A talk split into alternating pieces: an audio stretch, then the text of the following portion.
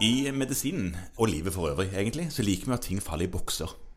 Ja, det, det blir mye enklere når man kan sortere ting, legge det opp i sine respektive kasser. Ja. Da har man orden og system. Ja, og noen ganger så er det jo sånn at ting ikke havner riktig eh, godt oppi boksen, og da har man en litt sånn uggen følelse. Ja. Det stemmer liksom ikke helt. Sånn at du vil ikke at det skal havne i livets roteskuff.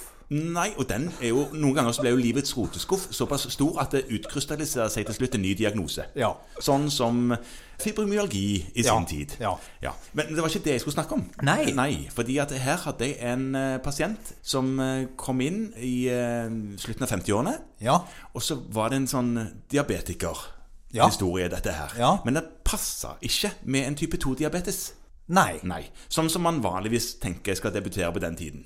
Så han var ikke på en måte klassisk morfologi som en type 2-diabetiker? ver- Verken på en måte i uh, morfologien eller i livsførselen for Nei, Nei, akkurat. Trente og sto i Det og var akkurat det han gjorde. Ja. Nøyaktig akkurat det han gjorde. Så jeg fikk liksom ikke helt til stemme. Men uh, man ga liksom de samme rådene og tenkte ja, vi får ta prøvene som vanlig, da. For det kunne jo være en sånn Lada. Ja. Altså at det var en sånn late onset diabetes Nei, hva heter dette her, da?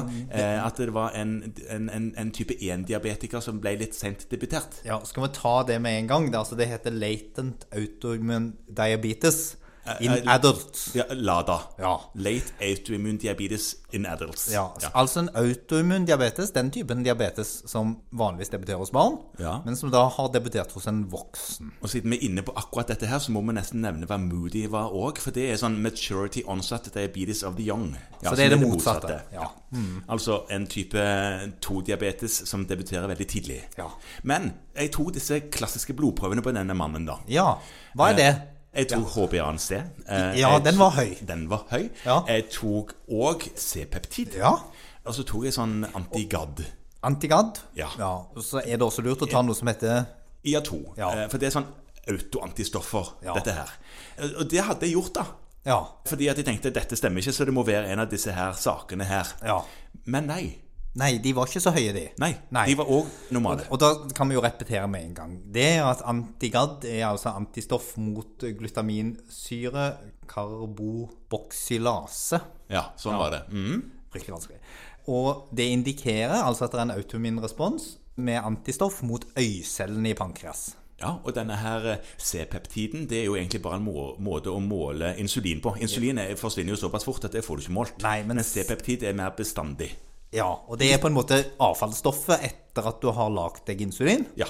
Så hvis C-peptiden er lav, og det hadde denne pasienten Det som ofte er vanskelig med disse LADA-pasientene, er at de har bare en sånn lett redusert C-peptid. De har fortsatt litt egenproduksjon, for du fanger de mens de fortsatt har, har litt. Og dermed så tenker man kanskje at de har normal insulinproduksjon. Ja. Eh, og så tok du også det som het IA2, som er et antistoff mot tyrosinfosfatase. Ja. Og det indikerer også autoimmun diabetes. Ca. 55% men bare 55 Ja. av type 1-diabetikerne har positive antistoffer for det. Mhm. Og så Hva skjedde så? Nei, altså, han fikk jo behandling, da. Ja. eh, Mot sin eh, diabetes, mot dette blodsukkeret, som har vært høyt over tid. Og de, eh, Vi fikk jo orden på det. Men eh, Men nå har det kommet noe nytt, ser du. Å jaha. Ja. Nå er det kommet, og det sist gang jeg sendte dette til laben, og det var litt derfor vi på en måte Og det, det er litt rart, for det hadde jeg ikke lest noen andre plasser, men sist gang jeg sendte det til laben, så fikk jeg da et svar tilbake at hvis begge disse er normale, Ja. og du tror det er en Lada, Ja. så kan du ta et nytt antistoff. ja, Så det er ikke diabetes type 3 vi snakker om nå? Nei, det er hvis noen i familien har diabetes der. Ok. Ja.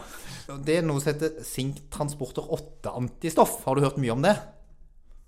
Jeg har ikke hørt om det før ca. cirka nå. Nei. Hva er det for noe? Ja, det er et nytt antistoff som du kan sende inn analyse på. Hvis de to andre er negative, og du fortsatt mistenker at dette er en autoimmun diabetes. Du kan ikke krysse av det som det tredje når du tar det som en sånn utredningspakke. Det anbefales ikke fra laben, og det kan jo ha noen ting med at det kanskje koster penger. Det vil jeg tippe på. Så, så da tenker jeg at det skal vi høre litt på, og så skal vi være vårt ansvar bevisst. Så skal vi ta det hvis vi tenker at det er lurt å finne ut av om dette er en autoimmun diabetes. Så grunnen til at det kan være nyttig å finne ut av, er at en pasient som har en autoimmun diabetes, der må du forvente et helt annet behandlingsløp. Da nytter det ikke med metformin, spring mer og spis mindre. Nei. Det var iallfall ikke riktig for denne fyren. Nei. Da må du på en måte forespeile at dette kan gå fort til insulin for å på en måte få kontroll på diabetesen. Og Det er greit både for deg og pasienten å forberede seg litt på. Ja. Så Derfor så kan det være nyttig å måle også dette nye antistoffet i de tilfellene der det er nødvendig. Ja, hva var det det het igjen? Det het Sinktransporter 8 antistoff. Sinktransporter 8 antistoff. Det ber du om dersom du ikke kommer i mål med Antigad og IA2. Ja. Ok, takk.